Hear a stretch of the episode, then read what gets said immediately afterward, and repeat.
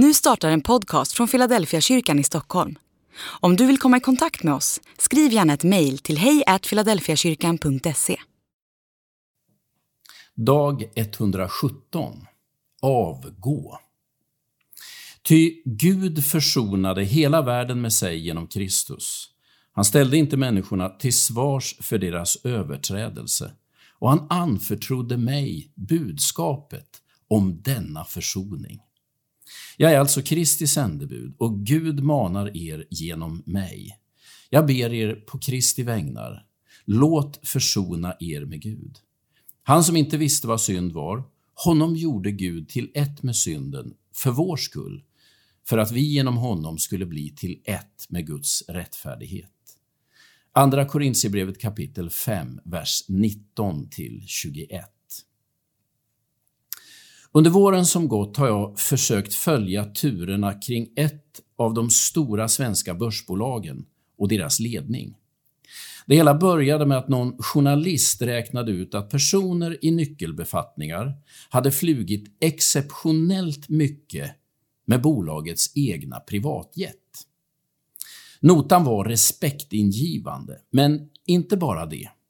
För närmare 100 miljoner hade man låtit bygga en jaktstuga, eller snarare ett jaktslott uppe i obygden, dit man flög in utländska affärskontakter och den egna ledningen för att jaga tillsammans.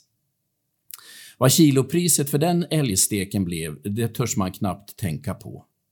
Under hela våren böljade anklagelser och motargument fram och tillbaka i media. Kritiken handlade om en ledarkultur som spårat ur och en liten grupp chefer som höll varandra om ryggen och gav varandra orimliga förmåner. Från kritikerna hördes gång på gång kravet på att någon måste ta ansvar och avgå. Mycket riktigt slutade hela affären med att ett flertal kända företagsledare fick ställa sina platser till förfogande. Under förnedrande former drevs de bort från sina positioner och förmåner. Det är varken första eller sista gången detta händer och varje gång brukar huvuden rulla efter kraven på att någon ska ta ansvar. Jag tänker att något liknande borde ha hänt kring Jesu död och uppståndelse.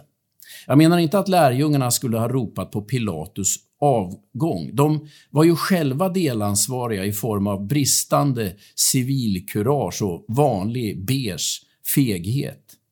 Nej, jag tänker att Gud själv skulle träda in på arenan och kräva mänsklighetens totala kapitulation och avgång. I och med Jesu död har ju mänskligheten nått sitt ultimata lågvattenmärke. När den helige och syndfrie, den fattigas vän och de svagas försvarare träder in i världen, då känner de andliga och världsliga makthavarna sina positioner så hotade att de låter avrätta honom. Är det inte just här som Gud är i sin fulla rätt att kliva in på arenan och avsätta mänskligheten från sitt ledande ansvar i skapelsen men från himmelen hörs inget rop på att ta ansvar för vad som har hänt eller att någon måste avgå. Från himmelen hörs ett helt annat budskap. För min del är det Paulus orden i Andra Korintierbrevet 5 som alltid har sammanfattat Guds svar på människornas illdåd.